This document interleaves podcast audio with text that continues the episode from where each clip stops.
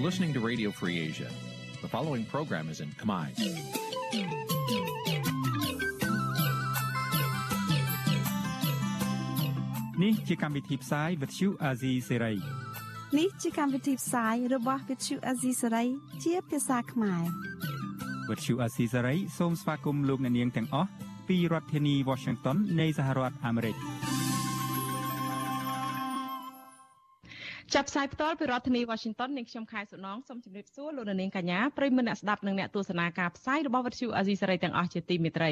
ចា៎នាងខ្ញុំសូមជូនកម្មវិធីផ្សាយសម្រាប់យប់ថ្ងៃសៅរ៍8រោចខែកដិកឆ្នាំឆ្លូវត្រីស័កពុទ្ធសករាជ2565ដែលត្រូវនឹងថ្ងៃទី27ខែវិច្ឆិកាគ្រិស្តសករាជ2021ចា៎ជាដំបូងនេះសូមអញ្ជើញលោកនាងស្ដាប់ព័ត៌មានប្រចាំថ្ងៃដែលមានមេតិការដូចតទៅ thank you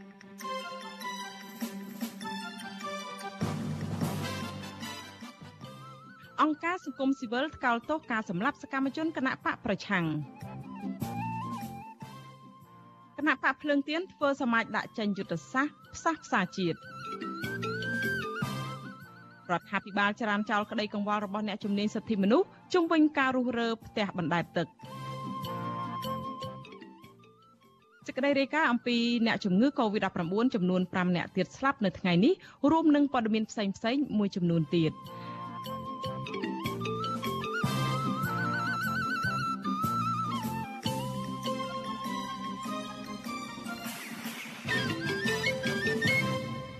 ចាជាបន្តទៅនេះនាងខ្ញុំខែសុណងសូមជូនព័ត៌មានទាំងនេះពិស្ដាចាលោកនាងជាទីមេត្រីក្រុមអង្គការសង្គមស៊ីវិលថ្កោលទោសចំពោះការសម្លាប់សកម្មជនគណៈបកសង្គ្រោះជាតិលោកស៊ិនខុនរួមទាំងសកម្មភាពវាយប្រហារលើសមាជិកគណៈបកប្រឆាំងនិងអ្នកការពារសិទ្ធិមនុស្សដទៃទៀត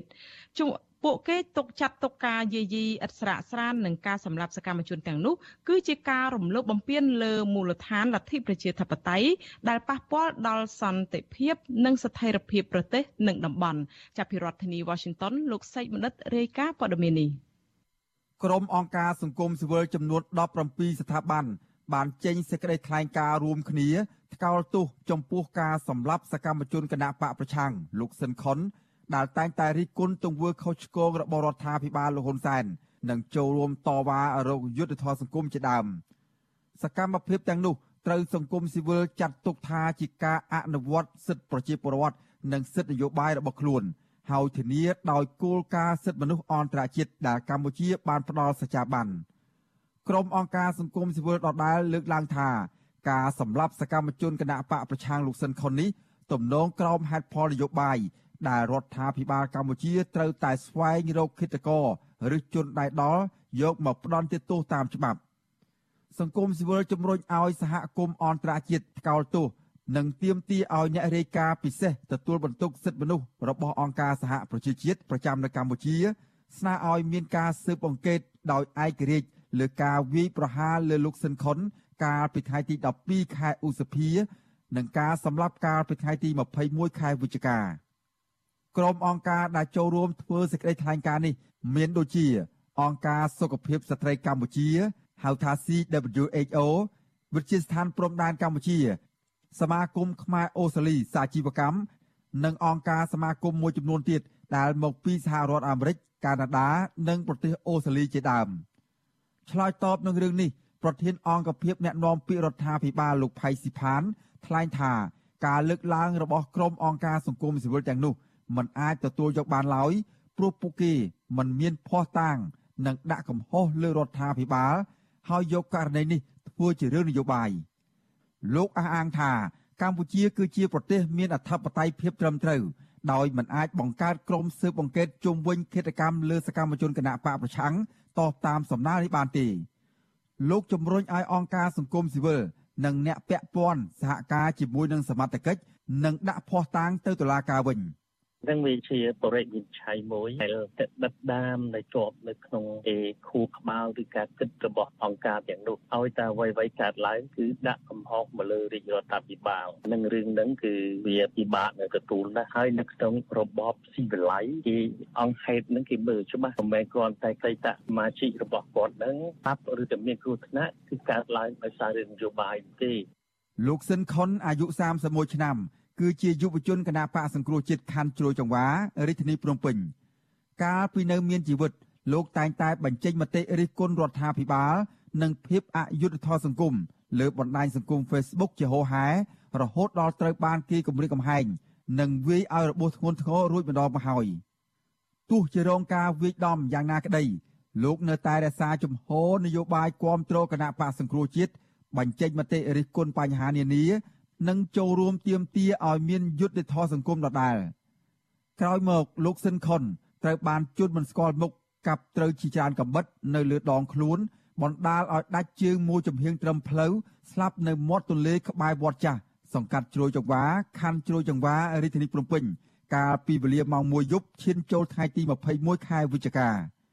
កាលពីពេលថ្មីថ្មីនេះជនសង្ស័យម្នាក់ឈ្មោះសៀងឆរត បានអះអាងថារូបគេបានកាប់លោកស៊ិនខុនមកពីបញ្ហាគំនុំផ្ទាល់ខ្លួន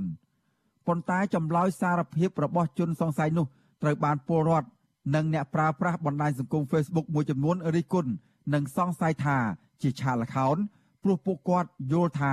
ករណីនេះពាក់ព័ន្ធនឹងរឿងនយោបាយ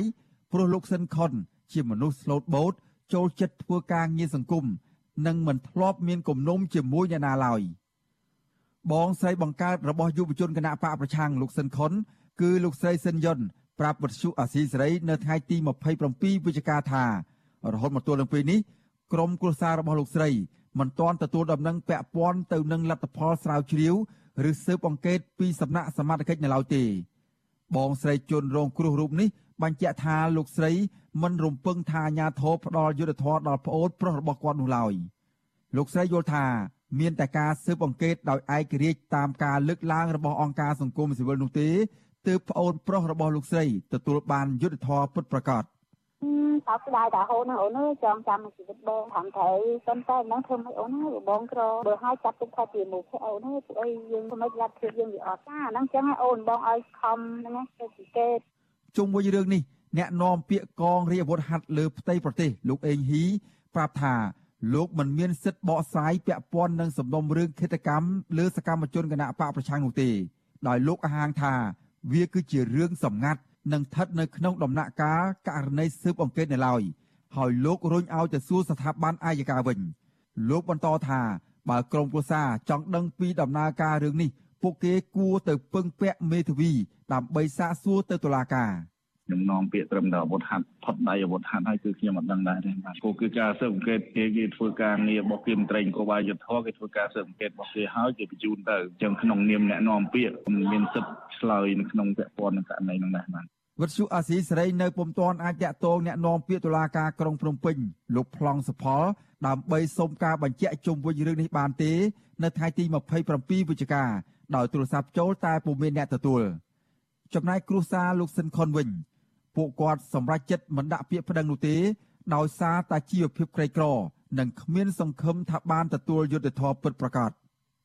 ក្រុមអង្គការសង្គមស៊ីវិលមើលឃើញថា រយៈពេលប្រមាណឆ្នាំចុងក្រោយនេះការវាយប្រហារក្នុងទម្រង់ផ្សេងផ្សេងគ្នា ដូចជាការយាយីតាមផ្លូវតុលាការ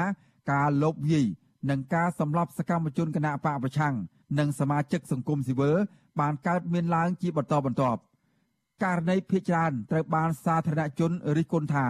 មិនមានយុទ្ធធម៌ពិតប្រាកដឡើយហើយបង្កើតបានជាវប្បធម៌នីតិរដ្ឋភាពដែលរំលោភបំពានធ្ងន់ធ្ងរលើសិទ្ធិមនុស្ស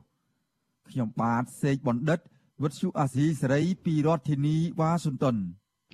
ចាលោកនាងកញ្ញាប្រិយមិត្តអ្នកស្ដាប់និងអ្នកទស្សនាការផ្សាយរបស់វិទ្យុអាស៊ីសេរីទាំងអស់ជាទីមេត្រីចាតកតងទៅនឹងរឿងគណៈបកភ្លើងទៀនឯនេះវិញនៅថ្ងៃសៅរ៍នេះបានធ្វើសមាជដាក់ចេញយុទ្ធសាស្ត្រក្នុងគោលដៅផ្សះផ្សាជាតិនិងបញ្ចូលអតីតអ្នកជាប់ឃុំនយោបាយឲ្យក្លាយជាសមាជិកគណៈកម្មការនយោបាយអ្នកខ្លំមើលថាគណៈបកនេះអាចនឹងទទួលបានការគ្រប់គ្រងច្រើនហើយអាចឈ្នះអាសនៈខ្លះប៉ុន្តែមិនមែនជាដៃគូប្រកួតប្រជែងជាមួយគណៈបកកាន់អំណាចនោះទេចាប់ពីរដ្ឋធានី Washington លោកយុនសាមៀនរាយការណ៍ព័ត៌មាននេះ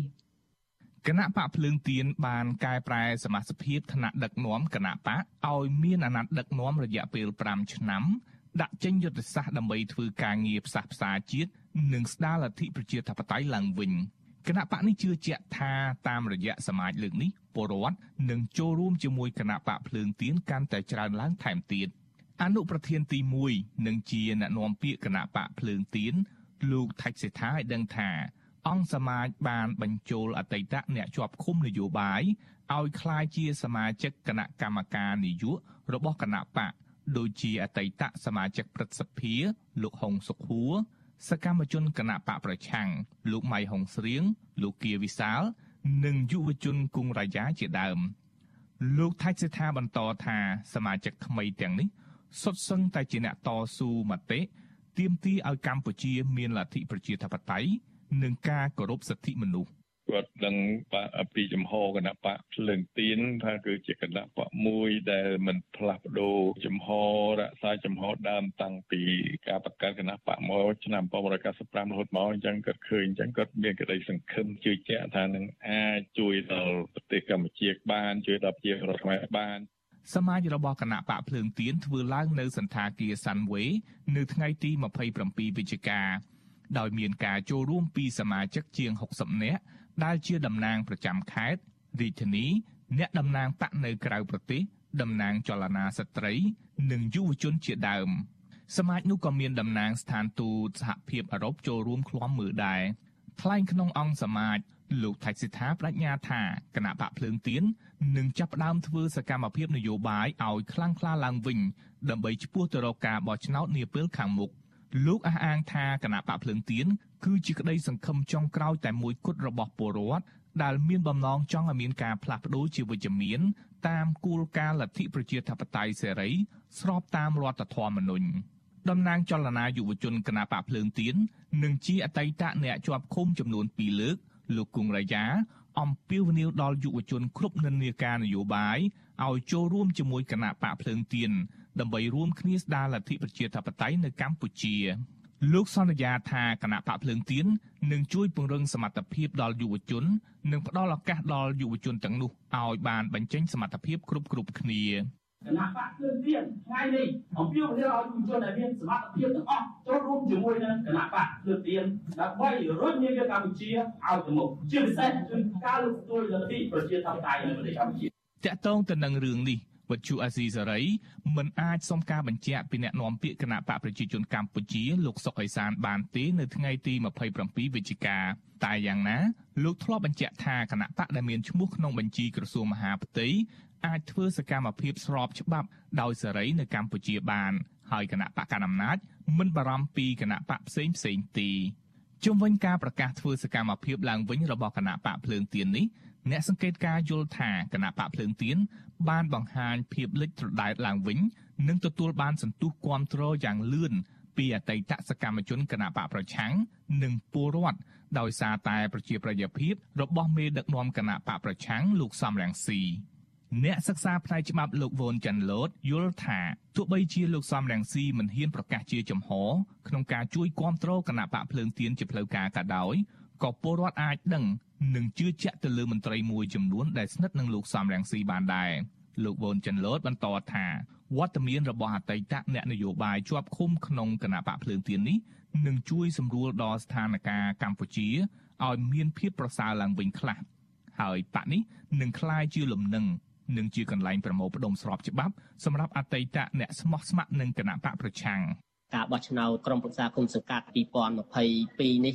2023ជ្រើសរើសសភាឬដូចជាការចាប់ផ្ដើមលេខអុកសាថ្មីអញ្ចឹងដោយសារតែគណៈបព្វជិជនបានយកដៃកវិសនៅអុកគូបច្ច័យរបស់ខ្លួនដែលអ្នកលេងជាមួយខ្លួនគឺលោកសំស៊ីនិងលោកគុំសុខាហើយបិទមិនអោយចូលលេងតែម្ដងហើយយកអ្នកថ្មីមកអោយលេងក្នុងទង្វង់នៃក្តារចាស់ គណៈបកភ្លើងទៀនមានឈ្មោះដើមមកពីគណៈបកជាតិខ្មែរត្រូវបានបង្កើតឡើងដោយលោកសំរងស៊ីកាលពីឆ្នាំ1995ក្រោយមករដ្ឋាភិបាល បានកែប្រែច្បាប់ចាប់បង្ខំឲ្យគណៈបកនេះបដូរឈ្មោះជាគណៈបកសំរងស៊ីកាលពីឆ្នាំ1998 ហើយកាលពីឆ្នាំ2017រដ្ឋាភិបាលបានកែប្រែច្បាប់គណៈបកនយោបាយម្ដងទៀតដែលបង្ខំឲ្យគណៈបកនេះសម្រេចបដូរឈ្មោះទៅតាមរូបសញ្ញា គឺគណៈបកភ្លើងទៀនរហូតដល់សពថ្ងៃ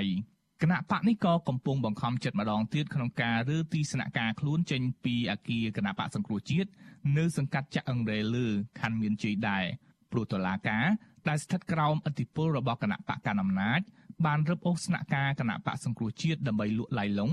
យកលុយទៅឲ្យមេដឹកនាំគណៈបកកណ្ដាលអំណាច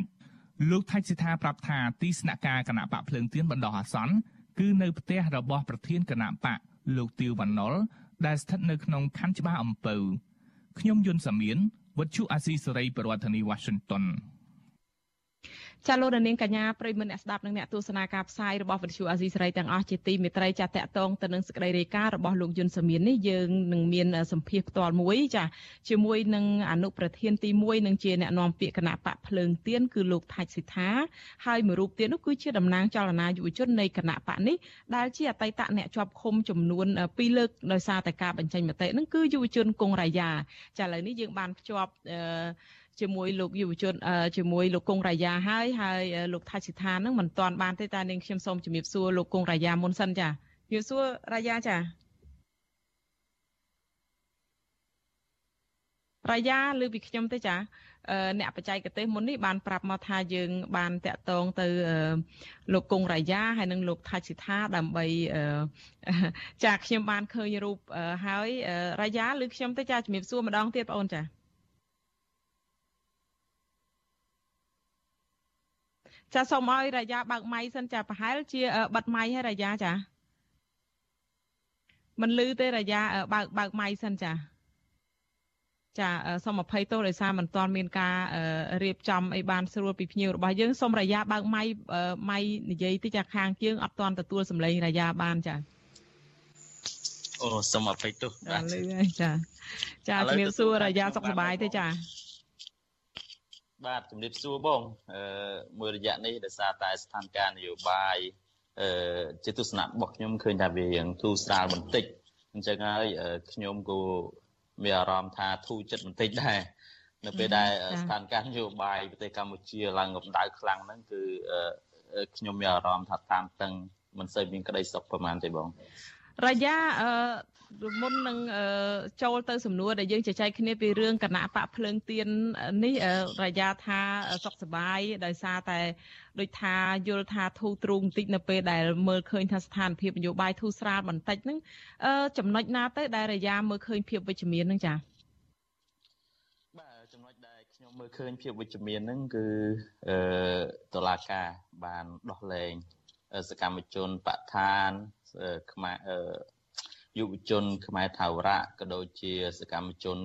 អតីតគណៈបកសង្គ្រោះជាតិមួយចំនួន ចេញពីពន្ធនាគារហើយខ្ញុំក៏សង្ឃឹមដែរថាតឡាការនឹងធ្វើការដោះលែងនៅសកម្មជនរបស់គណៈបកអតីតគណៈបកសង្គ្រោះជាតិទាំងអស់ចេញពីពន្ធនាគារ ដើម្បីអាចឲ្យគាត់មានឱកាសបានជួបជុំក្រុមគ្រួសាររបស់គាត់ក៏ដូចជាអាចមានសិទ្ធិសេរីភាពក៏ដូចជាសកម្មភាពធ្វើនយោបាយតាមអ្វីដែលពួកគាត់ចង់បានឡើងវិញ ចាតកតងទៅនឹងថ្ងៃនេះយើងងាកមកកិច្ចសម្ភាររបស់យើងជុំវិញរឿងគណៈបកភ្លើងទៀនដែលថាថ្ងៃនេះមានធ្វើសមាជអីនៅថ្ងៃនេះជាមួយគណៈបកអីច្រើនអ្នកដែរជិត100អ្នក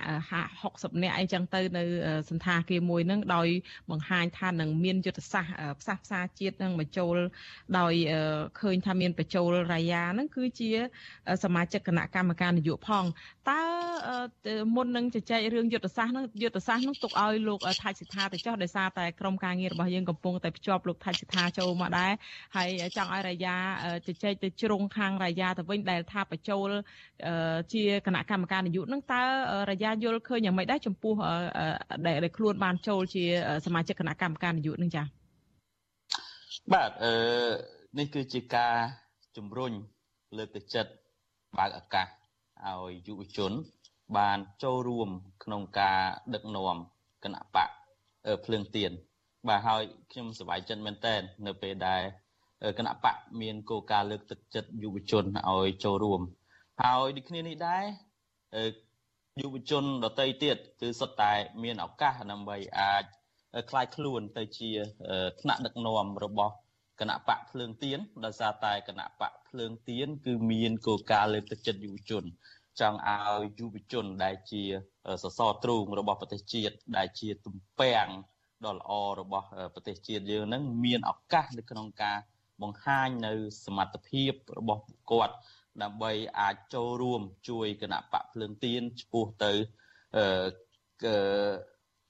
ការឈ្នះឆ្នោតប្រសិនបើគណៈបកភ្លើងទៀនចូលរួមការបោះឆ្នោតខាងមុខក៏ដូចជា អឺคลายខ្លួនទៅជាសសរគ្រឹះរបស់ប្រទេសជាតិនៅពេលដែល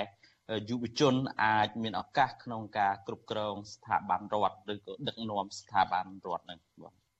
ចាតកតងទៅនឹងបញ្ហានេះរយ៉ាដែលជាយុវជនមួយរូបធ្លាប់ដោយយុវជន ខាងខ្មែរថៅរៈឬក៏យុវជនបរិស្ថានអញ្ចឹងដែរនៅពេលដែលប្រើប្រាស់សិទ្ធិសេរីភាពរបស់ខ្លួនក្នុងការសម្ដែងមតិនឹងក៏ត្រូវបានអាជ្ញាធរចាប់ខ្លួនយើងដឹងហើយករណីចុងក្រោយនេះគឺសំណុំរឿងលក់អាវយឺតរបស់មនិតកែមលីនៅក្នុងខួបនៃការបាញ់សម្លាប់លោកមនិតកែមលីនឹងតើរយ៉ាសម្លឹងឃើញថាយុវជននឹងអាចមានសក្តានុពលបែបណាទៅនៅក្នុងស្ថានភាពប្រទេសកម្ពុជាកម្ពុជាដែលថាយុវជនងើបឡើងគេក្តិចមិនអាចឲ្យគាត់នឹងហ៊ានងើបឡើងតស៊ូតតាំងបានបើមិនចឹងទេនឹងរងទរណកម្មការធ្វើបាបធ្វើកម្មអីផ្សេងផ្សេងដូចជាការចាប់ដាក់ពន្ធនាគារតើរាយាជាម្នាក់ដែលធ្លាប់តែទទួលនៅការដាក់ពន្ធនាគារអីចឹងដែរមានជាសារយ៉ាងម៉េចទៅដល់យុវជនឲ្យគាត់អាចចូលរួមជាមួយខាងគណៈបកឬក៏សកម្មភាពសង្គមបាននោះចា៎ បាទអឺ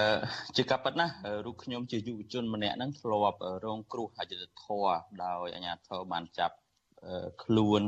ដាក់ពន្ធនាគារពីរដងហើយហើយគ្មានមូលហេតុណាសមស្របសោះនៃការឃុំខ្លួនរូបខ្ញុំទាំងពីរដងនេះ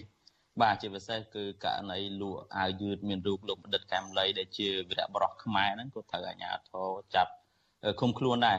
ហើយមានទាំងសកម្មជនបឋានដូចជាយុវជនខ្មែរថៅរៈអីជាដើមហ្នឹងពួកគាត់គឺសិតតែជាយុវជនទាំងអស់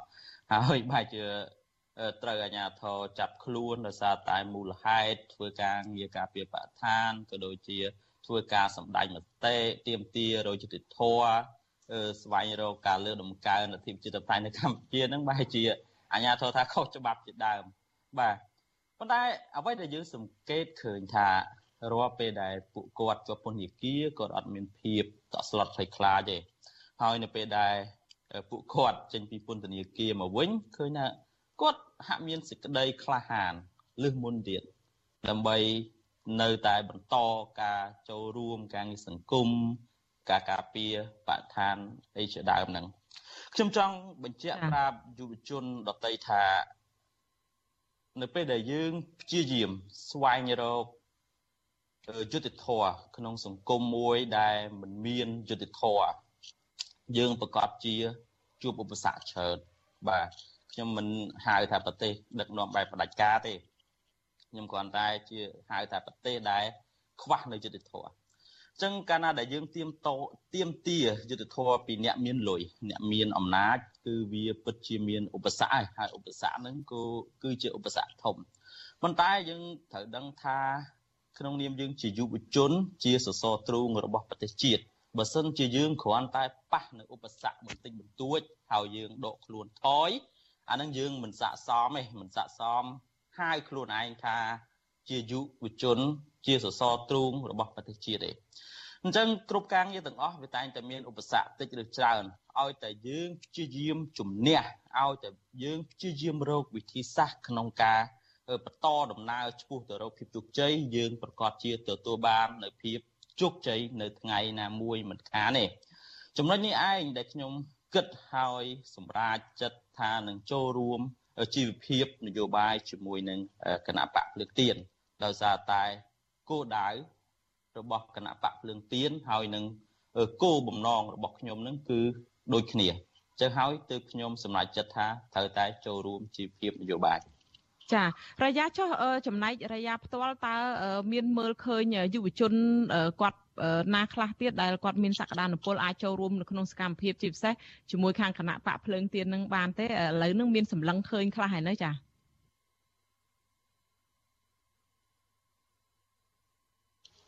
បាទអឺខ្ញុំសម្លឹងឃើញដែរប៉ុន្តែយុវជនខ្លះគាត់ក៏សម្រេចចិត្តចូលរួមជាមួយនឹងគណៈបកភ្លើងទៀន ហើយយុវជនខ្លះទៀតគាត់គិតថាយើងគួរតែចែកទូនាទីគ្នាធ្វើអ្នកខ្លះគាត់នៅតែធ្វើទូនាទីរបស់គាត់ដូចជាយុវជនដែលគាត់ធ្វើការនៅអង្គការសមាគមគាត់ថាអូខ្ញុំចង់បន្តការងារខ្ញុំ5ឆ្នាំទៀត10ឆ្នាំទៀតដើម្បីអឺឲ្យមានបទពិសោធន៍ច្រើនមានចំណេះដឹងច្រើនទើបខ្ញុំអាចប្រឡូកចូលសកម្មភាពនយោបាយបានហើយយុវជនខ្លះទៀតគាត់គាត់ថាអឺយើងមិនអាចស្ថិតតែ នៅក្នុងយុវជនគណៈបកមួយបានទេយើងគួរតែធ្វើការងារសង្គមខ្លះហើយខ្ញុំនេះធ្វើនយោបាយអញ្ចឹងទៅយើងរក្សាការទំនាក់ទំនងគ្នាឲ្យល្អអញ្ចឹងទៅយើងនៅតែអាចជួយបំពេញចន្លោះខ្វះខាត នៅតែអាចជួយគ្នាទៅវិញទៅមកបានគំនិតរបស់ពួកគាត់ទាំងអស់ហ្នឹងគឺខ្ញុំយល់ស្របអញ្ចឹងហើយទៅនៅក្នុងគោលការណ៍ ដែលខ្ញុំបាននិយាយកាលពីព្រឹកមិញហ្នឹងគឺយើងមានគោលការណ៍រក្សាទំនាក់ទំនងល្អមែនទែនជាមួយនឹងយុវជនដែលមកពីបណ្ដាអង្គការសង្គមស៊ីវិលសមាគមសហជីពយុវជនបរិស្ថានឬក៏យុវជនដែលធ្វើការងារសង្គមអីហ្នឹងគឺយើងនៅតែបន្តការរក្សាទំនាក់ទំនងគ្នាឲ្យបានល្អឲ្យបានជិតស្និទ្ធដើម្បីអាចជួយបំពេញចន្លោះខ្វះខាតក៏ដូចជាសេចក្តីត្រូវការរបស់គ្នាទៅវិញទៅមកបាន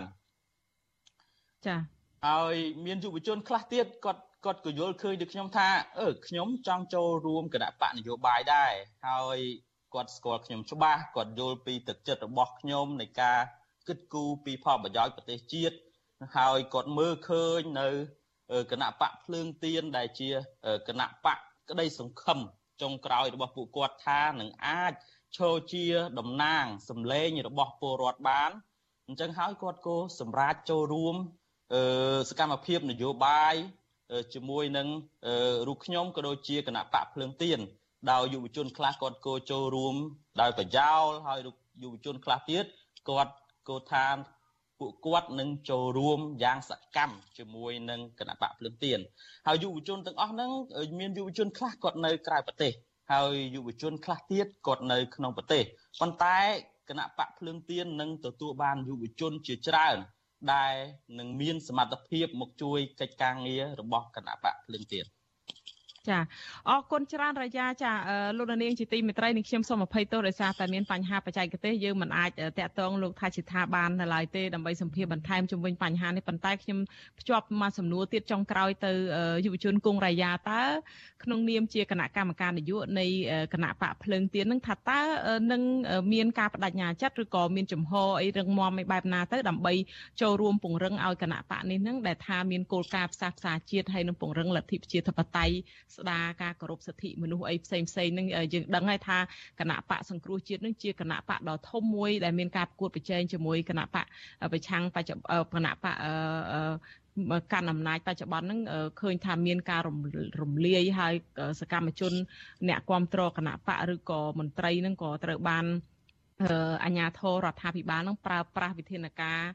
តុលាការឬក៏មានការធ្វើទុកបុកម្នេញអីផ្សេងផ្សេងមិនអាចចូលរួមសកម្មភាពប្រកួតប្រជែងបានដោយស្រួលទេចុះខាងគណៈបកភ្លើងទៀនវិញតើគង់រាយានឹងមានការបដិញ្ញាចិត្តឲ្យគិតថានឹងធ្វើយ៉ាងម៉េចដើម្បីឲ្យបានចូលរួមនៅក្នុងការប្រកួតប្រជែងការបោះឆ្នោតនេះពេលខាងមុខដែលជិតចូលមកដល់ហ្នឹងចា៎បាទសម្រាប់គំនិតរបស់ខ្ញុំ គឺទី1យើងត្រូវគៀងកយុវជនបាទ ទៀងកើយុវជនឲ្យបានច្រើនមកចូលរួមជាមួយនឹងគណៈបកអឺភ្លើងទៀនអានេះគឺសម្រាប់ខ្ញុំជាយុវជនណាប៉ុន្តែ សម្រាប់គោលការណ៍គណៈបកធំគឺគឺខាងថ្នាក់ដឹកនាំដតីទៀតគឺគាត់ជាអ្នកសម្រាប់ហើយខ្ញុំជាយុវជន គឺបដិញ្ញាចិត្តក្នុងការអនុវត្តនៅគោលការណ៍ឬផែនការដែលគាត់ដាក់មកប៉ុន្តែសម្រាប់គំនិតរបស់ខ្ញុំគឺខ្ញុំបានគិតខ្លះហើយនឹងយកទៅពិភាក្សាជាមួយនឹងអឺ ក្រមចលនាយុវជនថ្នាក់ជាតិបន្ថែមទៀតដើម្បីរៀបចំផែនការយុទ្ធសាស្ត្រក្នុងការទៀងកើនៅយុវជនឲ្យចូលរួមកាន់តែច្រើនឡើងច្រើនឡើងជាមួយនឹងគណៈបកភ្លឹងទៀនហើយនៅពេលដែលយើងទទួលបានយុវជនច្រើន យើងត្រូវមើលថាតើយុវជននឹងគាត់មានសក្តានុពលឬនៅ ហើយយុវជននឹងគាត់មានសមត្ថភាពឬនៅបើមានហើយយើងនឹង អឺជំរុញឲ្យគាត់បង្ហាញនៅសមត្ថភាពទាំងនោះដើម្បីជំរុញដំណើរការគណៈបកឲ្យកាន់តែល្អប្រសើរប៉ុន្តែបើសិនជាយុវជនគាត់នៅខ្វះសមត្ថភាពគាត់នៅខ្វះចន្លោះខ្លះអញ្ចឹងយើងមានគោលការណ៍យើងមានផែនការយុទ្ធសាស្ត្រក្នុងការជំរុញគាត់ក្នុងការហ្វឹកហ្វឺនគាត់ឲ្យគាត់คล้ายទៅជាយុវជនមួយដែលអឺគេថាមានសមត្ថភាពខ្លាំងជាធនធានមនុស្សខ្លាំងរបស់គណៈបកភ្លើងទៀន ហើយយើងក៏អត់បានរើសអើងនៅនៃការនយោបាយទេមិនថាយុវជនមកពីគណៈបកកាន់អំណាចឬក៏យុវជនមកពីគណៈបកដទៃទៀតទេយើងស្វាគមន៍នៅក្នុងការជជែកគ្នា ក្នុងការពិភាក្សាគ្នា ពីផែនការយុទ្ធសាស្ត្រអភិវឌ្ឍជាតិអីជាដើមយើងអត់ប្រកាន់និន្នាការថាអ្នកឯងមកពីគណៈបកនោះ ខ្ញុំអត់ត្រូវការជជែកជាមួយទេខ្ញុំមកពីគណៈបកនេះអញ្ចឹងខ្ញុំជជែកជាមួយតែយុវជនគណៈបកខ្ញុំធ្វើការតែជាមួយនឹងយុវជនគណៈបកខ្ញុំយើងអត់មានគោលការណ៍បែបហ្នឹងទេយើងចង់ឲ្យយុវជនរៀនជជែកគ្នាឲ្យបានច្រើនមិនចាំបាច់ហៅថាវប្បធម៌សន្តានាទេប៉ុន្តែយើងចង់ជជែកចង់ជជែកក្នុងនាមជាយុវជនរបស់ប្រទេសកម្ពុជា ក្នុងនាមជាយុវជនខ្មែរបាទមិនមែនជាយុវជនរបស់គណៈបក ប៉ុន្តែបើសិនថាចង់ជជែកជាយុវជនរបស់គណៈបកក៏ដោយប៉ុន្តែយើងត្រូវតែដាក់ចិត្តដាក់កាយនៅក្នុងការជជែកដោយសន្តិវិធីជជែកដោយស្វែងរកកលឹះដែលអាចរកចំណុចស្របគ្នា ហើយបើមានចំណុចខ្វែងគ្នាអីយើងចាប់ផ្ដើមរកបន្ថែមទៀតថារកទៅតែឃើញកលឹះស្របគ្នាហ្នឹងហើយបើយើងមិនព្រមជជែកគ្នាទេ បាទយើងចេះតែចោតគ្នាចេះតែលៀបពណ៌គ្នាវាវាអត់បានអីចំណេញដល់ប្រទេសជាតិទេវាមានតែ ធ្វើឲ្យយុវជនយើងនេះវាកាន់តែបែកបាក់គ្នាធ្វើឲ្យប្រទេសជាតិយើងកាន់តែបែកបាក់គ្នាហើយលៀបពណ៌គ្នាទៅវាធ្វើឲ្យខូចសន្តិភាពសង្គមខូចសិលធម៌សុជីវធម៌សង្គមអីជាដើមអញ្ចឹងទៅអានេះគឺជាគោលការណ៍របស់យុវជន គណៈបកលឿងទៀនអរគុណច្រើនលោកគង់រាជាចាដែលបានចំណាយពេលមានតម្លៃចូលរួមសម្ភាសផ្ដល់យោបល់បន្ថែមលើសក្តីរាយការណ៍ដែលថាលោកនឹងចូលជាគណៈកម្មការនយោបាយនៃគណៈបកភ្លឹងទៀនចាសូមជំរាបលារាយាប៉ុណ្ណេះសិនហើយសូមជូនពរសុខភាពល្អសុខភាពចាអរគុណបាទសូមអរគុណច្រើនបងសូមជម្រាបលាបងប្អូនអរគ្នាបាទអរគុណ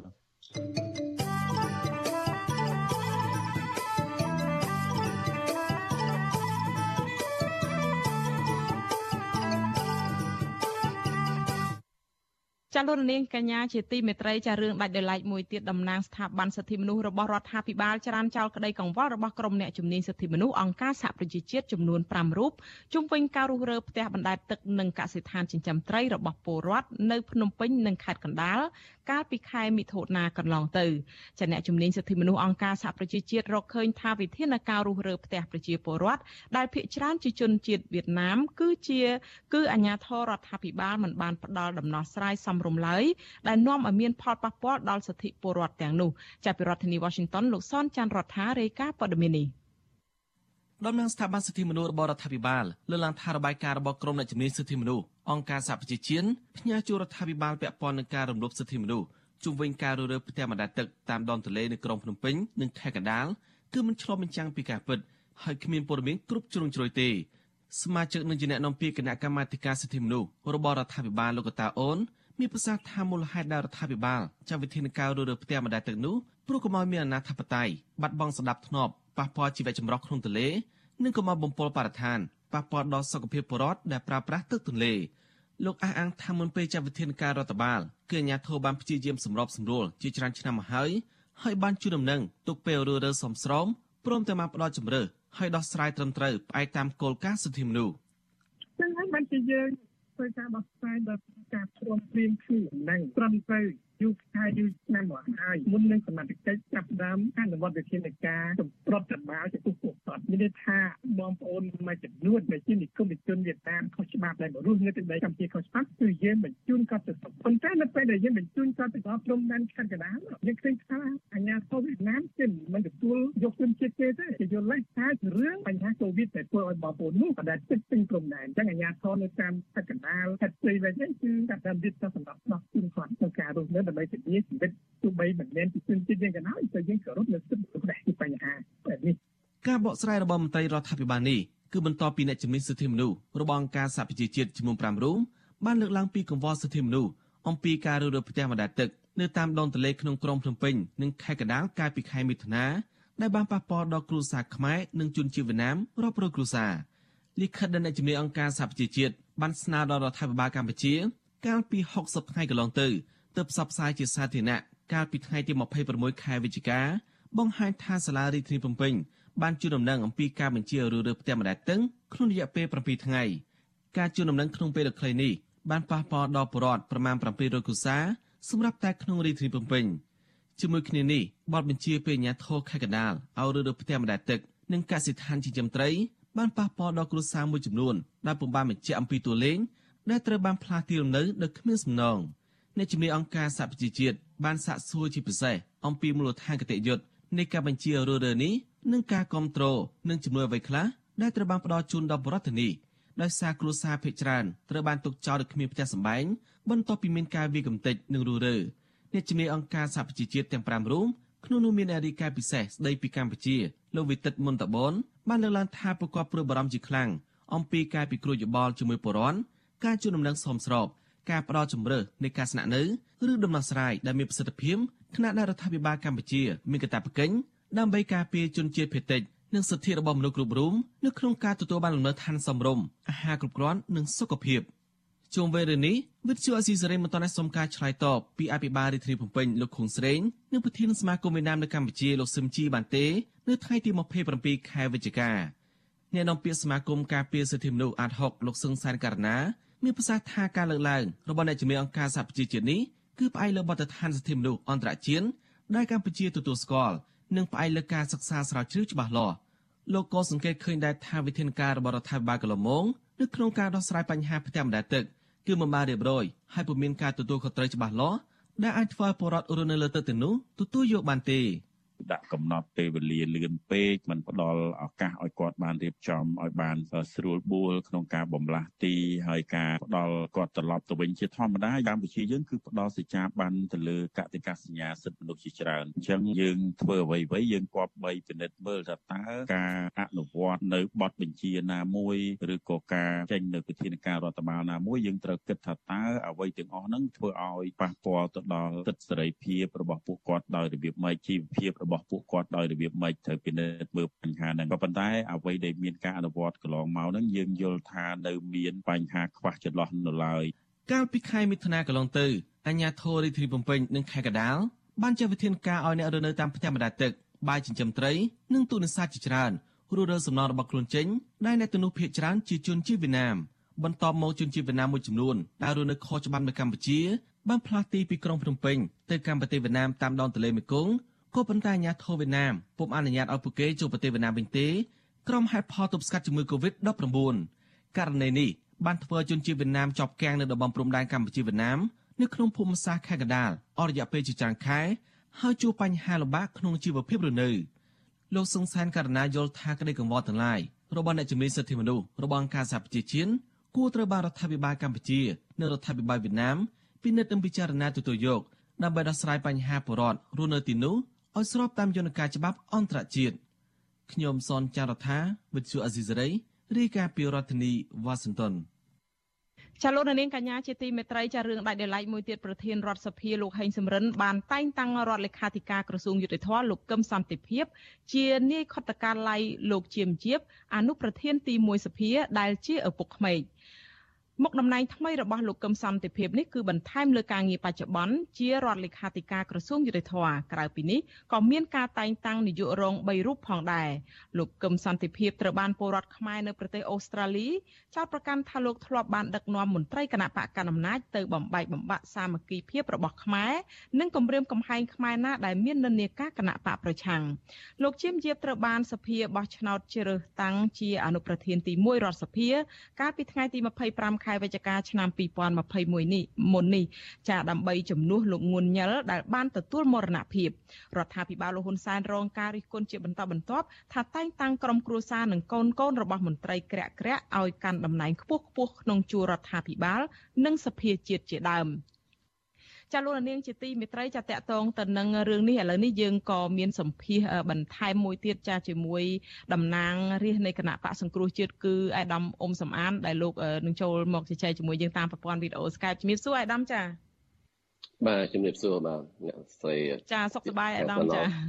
បាទសុខសប្បាយ ចាអរគុណច្រើនអាដាមអ៊ុំសំអានពេលនេះនៅរដ្ឋអាដាមហ្នឹងគឺថាព្រលឹមស្រាងស្រាងមែនតែនហើយអញ្ជើញមកចូលរួមជាមួយយើងហ្នឹងបន្ថែមពីលើអ្វីដែលជាសក្តីរាយការណ៍ដែលនាងខ្ញុំបានជម្រាបជូនលោករានីមុននេះបន្តិចហ្នឹងចាគឺការតែងតាំងកូនប្រសារបស់លោកជាមយាបគឺលោកកឹមសន្តិភាពនឹងជានៃខុទ្ទកាល័យចាហើយតកតងនឹងបញ្ហានេះជាបឋមចង់ឲ្យលោកអៃដាមអ៊ុំសំអានបានធ្វើការចាប់អារម្មណ៍មុនសិនថាតើលោកយល់ឃើញយ៉ាងម៉េចដែរនៅពេលដែលទទួលបានព័ត៌មានបែបនេះចាបាទជារឿងហួសចិត្តថារឿងហ្នឹងដូចតែមានតែមួយនៅលើលោកមិនដែលឪពុកជាឪពុកក្មេកហ្នឹងជាអនុប្រធានទី1រដ្ឋសភាហើយកូនប្រសាហ្នឹងជានាយកខុទ្ទកាល័យទៅវិញអាហ្នឹងដូចថាកម្ពុជាដូចខ្វះទុនធានមនុស្សខ្វះអ្នកដែលមានសមត្ថភាពណាហើយបើតាមច្បាប់សហលេខាធិការមន្ត្រីរាជការ ស៊ីវិលនៃប្រជាជាតិកម្ពុជាគឺគឺចែងអំពីការជ្រើសរើសមន្ត្រីរាជការហ្នឹងដោយស្មារតីនិងសមត្ថភាពដូច្នេះវាត្រូវមានការជ្រើសរើសដោយការប្រកួតប្រជែងអញ្ចឹងណាដោយការសម្ភាសដោយការវាតម្លៃត្រឹមត្រូវក៏ប៉ុន្តែនៅកម្ពុជាយើងដឹងហើយដែលដឹកនាំដោយលោកហ៊ុនសែនហ្នឹងគឺដឹកនាំដោយបកពួកនិយមក្រុមគូសានិយមអាហ្នឹងយើងឃើញអញ្ចឹងគ្រប់ក្រសួងគ្រប់ស្ថាប័នយើងមើលនៅខាងក្រសួង ធម្មពលរ៉ែធម្មពលហ្នឹងក៏លោកសុយសែនហ្នឹងតែងតាំងគុណរបស់គាត់ជារដ្ឋលេខាធិការហ៎មើលលោកអមយទៀងដែលជាអង្គភាពប្រឆាំងអំពើពុករលួយហ្នឹងផងដែរក៏តែងតាំងគោលរបស់គាត់ទាំងពីរហ្នឹងជាជំនួយការស្មើនឹងឋានៈស្មើនឹងរដ្ឋលេខាធិការអនុរដ្ឋលេខាធិការអញ្ចឹងទៅហើយយើងមើលក្នុងស្ថាប័នរដ្ឋហ្នឹងកូនអ្នកធំអ្នកធំហ្នឹងគឺកាន់តំណែងច្រើនមែនទែនហើយកាន់តំណែងធំធំទៀតដោយលោកសៃសំអាល់ គាត់ជារដ្ឋមន្ត្រីក្រសួងបរិស្ថាន ជាកូនរបស់លោកសៃឈុំហើយមើលចៅខេត្តសៀមរាបលោកទាសីហាកូនលោកទាបាញ់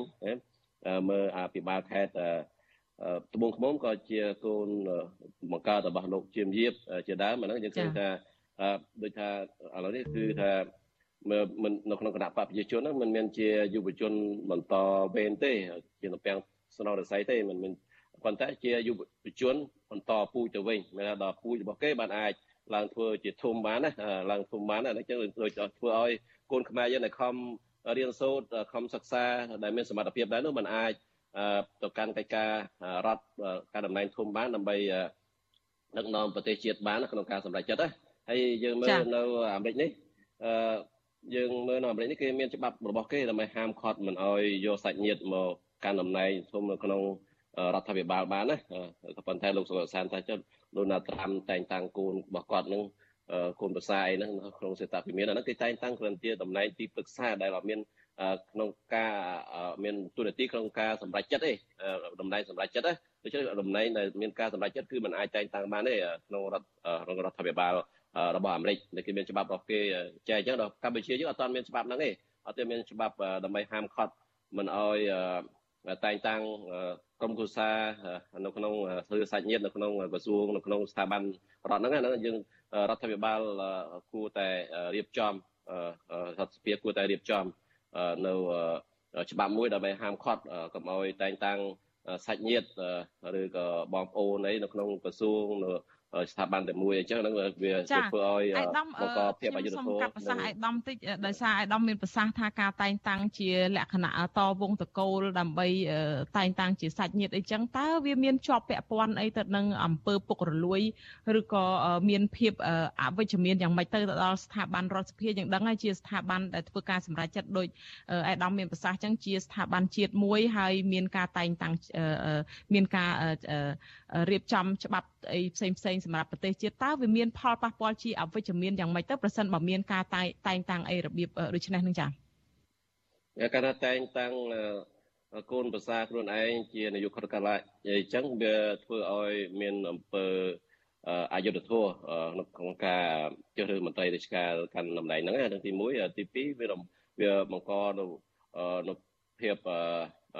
អំពើពុករលួយនៅបង្កនៅអំពើពុករលួយនៅក្នុងស្ថាប័នហ្នឹងហើយ បពពួកនិយមនៅក្នុងស្ថាប័នហ្នឹងអាហ្នឹងអត់មានតម្លាភាពក្នុងការដឹកនាំអាហ្នឹងយើងយើងឃើញអញ្ចឹងដូចក្រសួងលោកចំពិសិដ្ឋពីមុនអញ្ចឹងលោកហ៊ុនសែនក៏ធ្លាប់ពីគាត់ដែរថាដាក់បពពួករបស់គាត់ប្រពន្ធកូនរបស់គាត់ហ្នឹងជានាយកខុតកាល័យហើយកូនអីអញ្ចឹងជាអីកាន់លុយកាន់រាជវត្ថុរាជយើងអីចឹងទៅណាហ្នឹងយើងឃើញថាបពពួករបស់គាត់ហ្នឹងដាក់ក្នុងក្រសួងហ្នឹងអាហ្នឹងយើងឃើញកន្លងមក ហើយប៉ុន្តែយើងទៅរីគាត់នេះមិនលោកហ៊ុនសែនគាត់តែងតាំងកូនរបស់គាត់ធំធំដែរណាលោកហ៊ុនម៉ាណែតកាន់ជាមេបញ្ជាការកងតបជើងគោកហើយលោកហ៊ុនម៉ាណីជាប្រធានគណៈកម្មការរដ្ឋសភាលោកហ៊ុនម៉ាណិតកាយ3នៅក្រសួងការពារជាតិអីកូនប្រសាគាត់លោកឌីបជាអីជាអឺស្នងស្នងការរងអគ្គស្នងការរងនគរបាលជាតិអីហ្នឹងគឺឃើញចាស់ស្ដែងអញ្ចឹងហើយលោកខាត់សវឿនជាកូន ដែលក្មួយភាសាលោកហ៊ុនសែនកាន់មេប៉ូលីសអញ្ចឹងណាដូច្នេះគាត់មិនអាចបន្ទោសគេបានទេព្រោះគាត់បពុទ្ធយមដែរតែងតាំងកូនសត្វធំធំដែរណាឥឡូវយើងឃើញអញ្ចឹងបើកាលណាយើងតែងតាំងកូនបង្កើតឬសាច់ញាតិរបស់ខ្លួននៅក្នុងក្រសួងស្ថាប័នតែមួយឬក៏ក្នុងស្ថាប័នរបស់ហ្នឹងគឺធ្វើឲ្យមានបពុទ្ធនិយមអំពើពុករលួយនៅក្នុងការដឹកនាំប្រទេសជាតិហើយធ្វើឲ្យយុវជនដែល គាត់ជាទំពាំងស្នងសរសៃជាអ្នកបន្តពេលនោះអត់មានឱកាសដើម្បីទៅកាន់តំណែងទាំងអស់ហ្នឹងទោះបីគេមានសមត្ថភាពឬខំរៀនទៅដល់ក្រៅប្រទេសក៏ដោយបាទ ចាអៃដាមបានដឹងហើយដោយអៃដាមលើកជាឧទាហរណ៍នឹងថាមានកូនអៃដាមអោមយន្ទៀងអីខាងគណៈកម្មការអង្គភាពប្រឆាំងពើពុករលួយសំទោសជាអង្គភាពប្រឆាំងពើពុករលួយប៉ុន្តែកន្លងមកគាត់ធ្លាប់បានបកស្រាយដែរថាកូនគាត់មានសមត្ថភាពនៅក្នុងការធ្វើការដោយករណីលោកកឹមសន្តិភាពនេះអញ្ចឹងបើសិនជាមានការលើកឡើងថាកូននោះមានសមត្ថភាពគាត់មានសមត្ថភាពនៅក្នុងការបំពេញការងារតើនៅតែមានជាប់ពាក់ព័ន្ធទៅនឹងផលចំនួនផលប្រយោជន៍អីដែរទេនៅក្នុងស្ថាប័នតែមួយដែលមានឪពុកផងកូនផងឬក៏ជាសាច់ញាតិក្រុមគ្រួសារនឹងចា៎កូនគាត់អាចរៀនបានខ្ពង់ខ្ពស់មានសមត្ថភាពក៏ប៉ុន្តែត្រូវឲ្យមានការប្រកួតប្រជែងដោយមានការជ្រើសរើសមន្ត្រីការដោយការប្រកួតប្រជែងដោយសមត្ថភាពឲ្យគេមានដាក់ពាក្យមកដើម្បីប្រកួតប្រជែងជ្រើសរើសដោយតម្លាភាពដោយសមត្ថភាពដោយសមត្ថភាពគ្នាអានឹងបាន វាប៉ុនកន្លងមកក៏តែងតែលើកដែរថាមានការប្រកួតប្រជែងអីសមត្ថភាពអីមានការប្រឡងមានការអីអញ្ចឹងណាចាអឺដាក់ឲ្យប្រកួតប្រជែងហ្នឹងក៏ប៉ុន្តែដល់ការសម្រេចហ្នឹងគឺសម្រេចទៅលើមេដឹកនាំនឹងអដែរហ្នឹងគាត់សម្រេចយកទៅក្រុមគូសាគាត់បាក់ពួកគាត់ទៅធ្វើឲ្យឲ្យល្អមើលដូចជាឆាលខោនអញ្ចឹងមិនមានជឿរៀជឿរឿងហ្នឹងដោយការប្រកួតប្រជែងដោយស្មើភាពគ្នាដោយអនុវត្តអនុលោមទៅតាមច្បាប់ សហលក្ខណៈមន្ត្រីរាជការស៊ីវិលដែលតម្រូវឲ្យជ្រើសរើសដោយសមត្ថភាពដោយស្មើភាពគ្នាណាអានោះយើងឃើញជាក់ស្ដែងអញ្ចឹងហើយសូម្បីយើងមើលការសាងសង់រដ្ឋសភាកន្លងមកក៏ឃើញបែរជាលោកជាមយាមហ្នឹងជ្រើសរើសក្រុមហ៊ុនឲ្យមានការដេញថ្លៃយ៉ាងដែរដេញថ្លៃសាងសង់រដ្ឋសភាប៉ុន្តែចុងក្រោយគាត់យកកូនភាសាគាត់ធ្វើសាងសង់រដ្ឋសភាអញ្ចឹងឃើញអានោះវាអត់អត់មានតម្លាភាពទេអាស្រ័យលើពួកគាត់សម្រាប់តែ សម្រាប់ហ្នឹងគឺមិនសម្រាប់ដោយយុទ្ធធម៌ទៀតដោយអយុទ្ធធម៌ហ្នឹងយើងឃើញជាក់ស្ដែងអញ្ចឹងណាចាអាយដាមអរគុណច្រើនឥឡូវងាកមករឿងស្ថានភាពយើងដឹងហើយថាលោកកឹមសន្តិភាពនេះកន្លងមកគឺខាងខ្មែរសហគមន៍ខ្មែរនៅជាពិសេសគឺនៅខាងប្រទេសអូស្ត្រាលីនឹងតែម្ដងដែលតែងតែលើកឡើងថាគាត់នឹងគឺជាក្រុមមនុស្សដែលដឹកនាំសំខាន់នៅក្នុងការទៅដល់ ធ្វើឲ្យខ្មែរនៅក្រៅប្រទេសនឹងមានការបែកបាក់សាមគ្គីទៅបំបែកបំបាក់ខ្មែរហើយបញ្ហានេះគឺធ្វើឲ្យសហគមន៍ខ្មែរនៅក្រៅប្រទេសជាពិសេសនៅអូស្ត្រាលីនៅអីហ្នឹងគឺមិនពេញចិត្តទេតើអាយដាមមើលឃើញចំណុចវិជ្ជមានឬក៏អវិជ្ជមានយ៉ាងម៉េចទៅដល់បញ្ហានេះចាដែលតួអង្គគាត់ឥឡូវនេះក៏คล้ายទៅជាខុទ្ទកាល័យដឹកនាំរដ្ឋសភាជាតិអីទៅទៀតតើមានការរិះគន់បែបនេះគួរតែយ៉ាងម៉េចទៅវិញទៅអាយដាមចា៎ បាទគាត់ទៅបំបែកបាក់បំបែកបំបាក់ខ្មែរយើងនៅប្រទេសអូស្ត្រាលីហ្នឹងអឺឲ្យសហគមន៍ខ្មែរហ្នឹងមានការស្អប់ខ្ពើមគ្នាទៅបង្កើតសាខាគណៈបព្វប្រជាជននៅក្រៅប្រទេសហ្នឹងហើយខ្មែរយើងនៅក្រៅប្រទេសភាគច្រើនគេមិនគ្រប់គ្រងគណៈបព្វប្រជាជនទេប៉ុន្តែខ្លះឃើញផលប្រយោជន៍ដោយតាមរយៈការរុស៊ីឬក៏អ្នកខ្លះ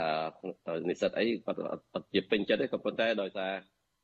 គាត់បានអាហារូបករណ៍តាមរយៈរដ្ឋាភិបាលហ្នឹងមករៀននៅអូស្ត្រាលីជាដើមចេះតែគ្រប់គ្រងណាខ្មែរយើងនៅអូស្ត្រាលីក៏គេមិនពេញចិត្តដែរចំពោះដែលលោកគឹមសន្តិភាពហើយនឹងខាងថ្នាក់ដឹកនាំគណៈបកប្រជាជនយុវជនគណៈបកប្រជាជនមួយចំនួនហ្នឹងទៅបង្កើតគណៈបកនៅប្រទេសអូស្ត្រាលីហ្នឹងហើយបំបីបំបាក់សាមគ្គីភាពក្នុងចំណោមខ្មែរយើងឲ្យមានការរើសអើងគ្នាមានការស្អប់ខ្ពើមគ្នាហ្នឹងយើងយើងឃើញអញ្ចឹងហើយហើយប្រទេសប្រជាធិបតេយ្យអឺ គេមិនចង់ឲ្យគណៈបកដែលជាគណៈបកផ្ដាច់ការគណៈបកកុម្មុយនីសដោយគណៈបកប្រជាជនហ្នឹងទៅទៅទៅជន់ទឹកដីរបស់គេហ្នឹងយើងយើងដូចនៅអូស្ត្រាលីក៏ដោយដូចនៅអាមេរិកនៅប្រទេសអឺរ៉ុបជាដើមណាបាទ ចាអាដាមមួយវិញទៀតតកតងទៅនឹងការងារនៅក្នុងរដ្ឋសភាដែលអាដាមធ្លាប់ធ្វើការមានបទពិសោធន៍នៅក្នុងរដ្ឋសភាជាតំណាងរាស្ត្រមួយរូបនៃគណៈបកសង្គ្រោះជាតិនឹងតើអាដាមមើលឃើញថាមានចំណុចបុគ្គលបែបណាទៅគួរតែមានទួនាទីអីបែបនេះហើយថាតើមានចំណុចកែលម្អឬក៏អាដាមដែលធ្លាប់ធ្វើការនៅហ្នឹងនឹងមានអ្វីដែលចង់មានជាសារអ្វីដែលចង់ឲ្យមានការកែតម្រង់ឲ្យស្ថាប័នជាតិមួយនេះបានដំណើរការទៅបានល្អដើម្បីផលប្រយោជន៍ប្រជាពលរដ្ឋនិងប្រទេសជាតិនេះចា៎បាទដើម្បីឲ្យស្ថាប័នរដ្ឋសភាហ្នឹងដំណើរការល្អដោយមិនប្រកាន់បពុនិយមអាហ្នឹងក្រុមគូសានិយមអីអាហ្នឹងដល់យើងធ្វើម៉េចអនុវត្តទៅតាមសហលេខនកៈមន្ត្រីការស៊ីវិលនៃប្រជាណាចក្រកម្ពុជាក្នុងការជ្រើសរើសបុគ្គលិកឬមន្ត្រីការនៅក្នុងស្ថាប័នកម្ពុជារបស់ជាតិហ្នឹងក្នុងរដ្ឋសភាហ្នឹងក៏ប៉ុន្តែយើងឃើញកន្លងមកនេះគឺមានការ តែងតាំងហ្នឹងសិតតែកូនកូនភាសាខ្ញុំសូមមិនលើកឈ្មោះទៅចុះព្រោះពួកគាត់ហ្នឹង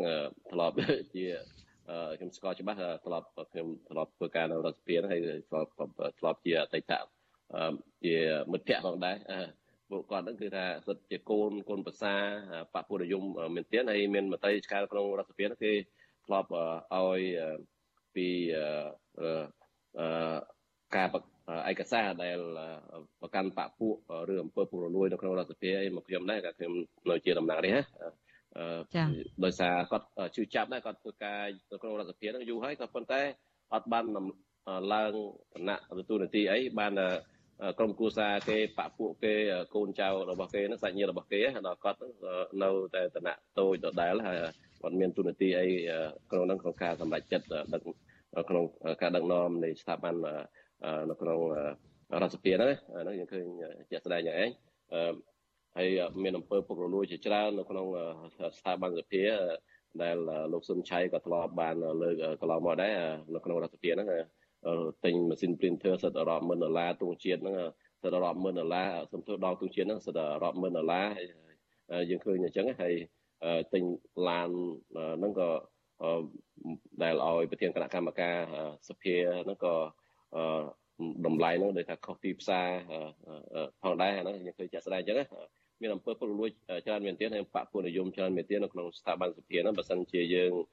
គ្មានសាច់ញាតិបងប្អូន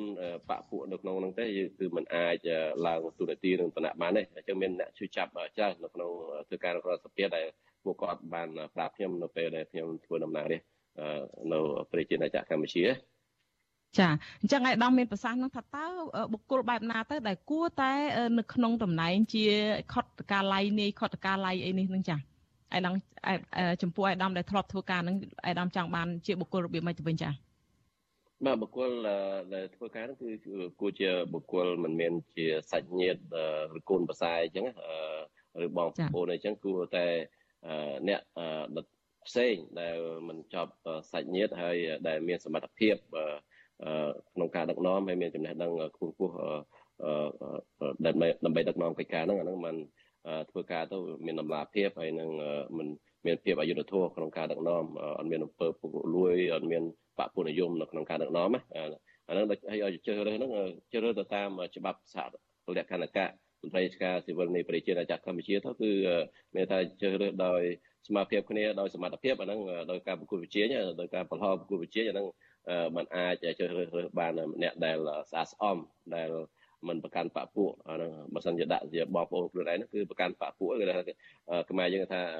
អាហ្នឹងទ្របមូលហ្មងអាហ្នឹងអត់បែកទ្របគឺមានថាបើសិនជាអូជាអនុប្រធានទី1រដ្ឋសភាហើយកូននាយកខុតកាល័យចំកັບកេងលុយសភាចាយខុស ក្នុងការប្រព្រឹត្តអំពើពុករលួយយ៉ាងម៉េចក៏បានដែរណាយើងឃើញចាស់ស្ដែងកន្លងមកនៅក្នុងស្ថាប័នរដ្ឋគឺកើតមានច្រើនណាស់បាទចាអរគុណច្រើនឯកឧត្តមអ៊ំសំអានដែលឯកឧត្តមបានចំណាយពេលមានតម្លៃចូលរួមផ្ដល់សម្ភារឲ្យវិទ្យុអសីសេរីនៅពេលនេះចាសូមជំរាបលានិងជូនពរឯកឧត្តមសុខសប្បាយចាអរគុណចាបាទសូមអរគុណសូមជម្រាបលា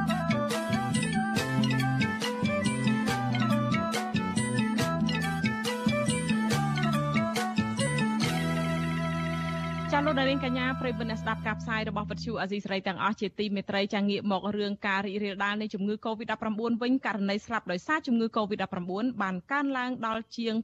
2900នាក់ហើយក្រោយពីអ្នកជំងឺចំនួន5នាក់ទៀតបានស្លាប់នៅក្នុងនោះ4នាក់មិនបានចាក់វ៉ាក់សាំងបង្ការជំងឺ Covid-19 ចាចំណែកករណីឆ្លងថ្មីវិញក្រសួងសុខាភិបាលប្រកាសថាមាន26នាក់ដែលជាលទ្ធផលបញ្ជាក់ដោយម៉ាស៊ីនពិសោធន៍ PCR គិតត្រឹមព្រឹកថ្ងៃទី27ខែវិច្ឆិកានេះកម្ពុជាមានអ្នកកើតជំងឺ Covid-19 ប្រមាណ120,000នាក់ក្នុងនោះមានអ្នកជាសះស្បើយជាង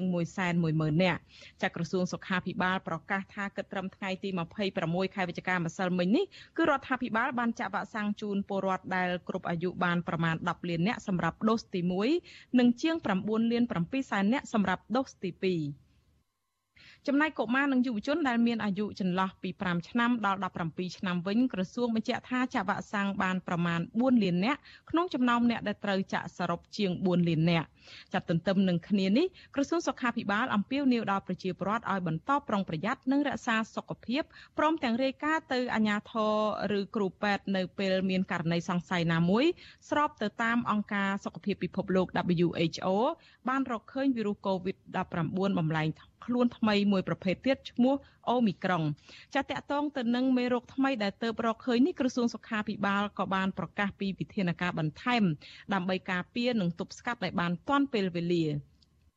ចាវិធានការទាំងនោះរួមមានបន្តអនុវត្តវិធានការសុខភាពសាធារណៈនិងសង្គមដូចជាពាក់ម៉ាស់លាងសម្អាតដៃញឹកញាប់រក្សាគម្លាតសុវត្ថិភាពបុគ្គលនិងកែលម្អខ្យល់ចេញចូលនៅក្នុងទីលាផ្ទះទីធ្លាផ្ទះសម្បែងនិងកន្លែងធ្វើការនិងទីតាំងប្រកបរបររកទទួលទានផ្សេងផ្សេងជាដើមចាលើសពីនេះត្រូវរាយការណ៍ទៅអាជ្ញាធរមូលដ្ឋានឬគ្រូពេទ្យប្រសិនបើមានករណីសង្ស័យណាមួយនៃរោគសញ្ញាត្រូវនៅដាច់ដោយឡែកកុំឲ្យមានការចម្លងបន្តទៅសមាជិកក្រុមគ្រួសារផ្សេងទៀតខណៈរងចាំការវិភាគដើម្បីរកវីរុសបំផ្លែងថ្មីនេះ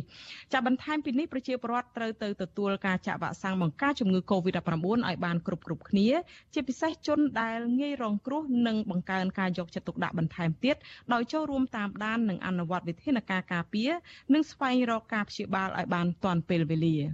thank you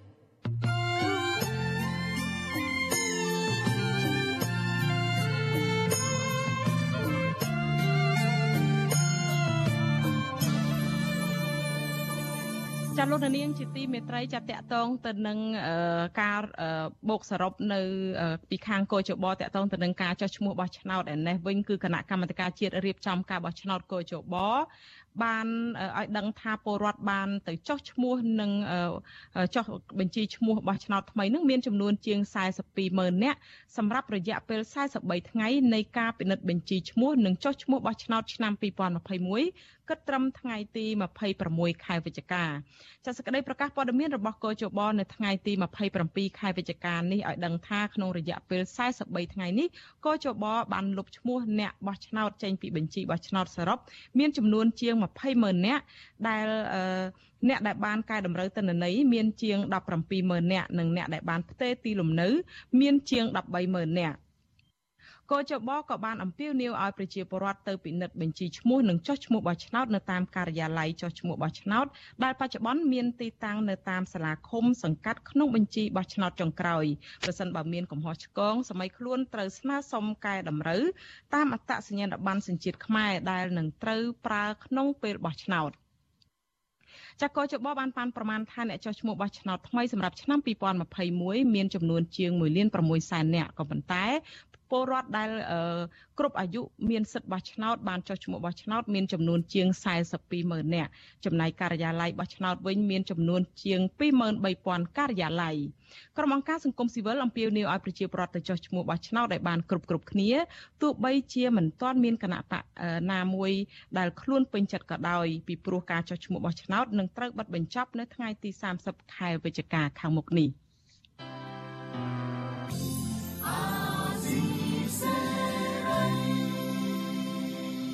ចាលោកនាងកញ្ញាប្រិមត្តអ្នកស្ដាប់ជាទីមេត្រីចា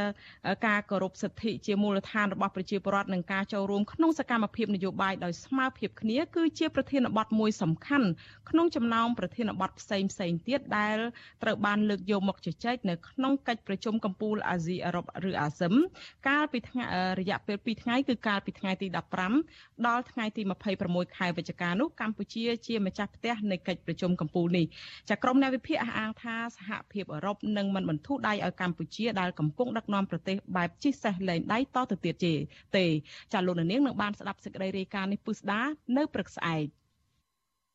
ចាលោកនាងកញ្ញាប្រិមមអ្នកស្ដាប់និងអ្នកទស្សនាការផ្សាយរបស់វិទ្យុអាស៊ីសេរីទាំងអស់ជាទីមេត្រីចាការផ្សាយរបស់យើងនៅពេលនេះបានឈានមកដល់ទីបញ្ចប់ហើយចានាងខ្ញុំខែសុណងសូមជូនពរដល់លោកនាងកញ្ញាទាំងអស់ឲ្យជួបប្រកបតែនឹងសេចក្តីសុខចម្រើនរុងរឿងកំបីគ្លៀងគ្លាតឡើយចាសម្រាប់ពេលនេះនាងខ្ញុំខែសុណងនិងក្រុមការងារទាំងអស់នៃវិទ្យុអាស៊ីសេរីសូមអរគុណនិងសូមជម្រាបលា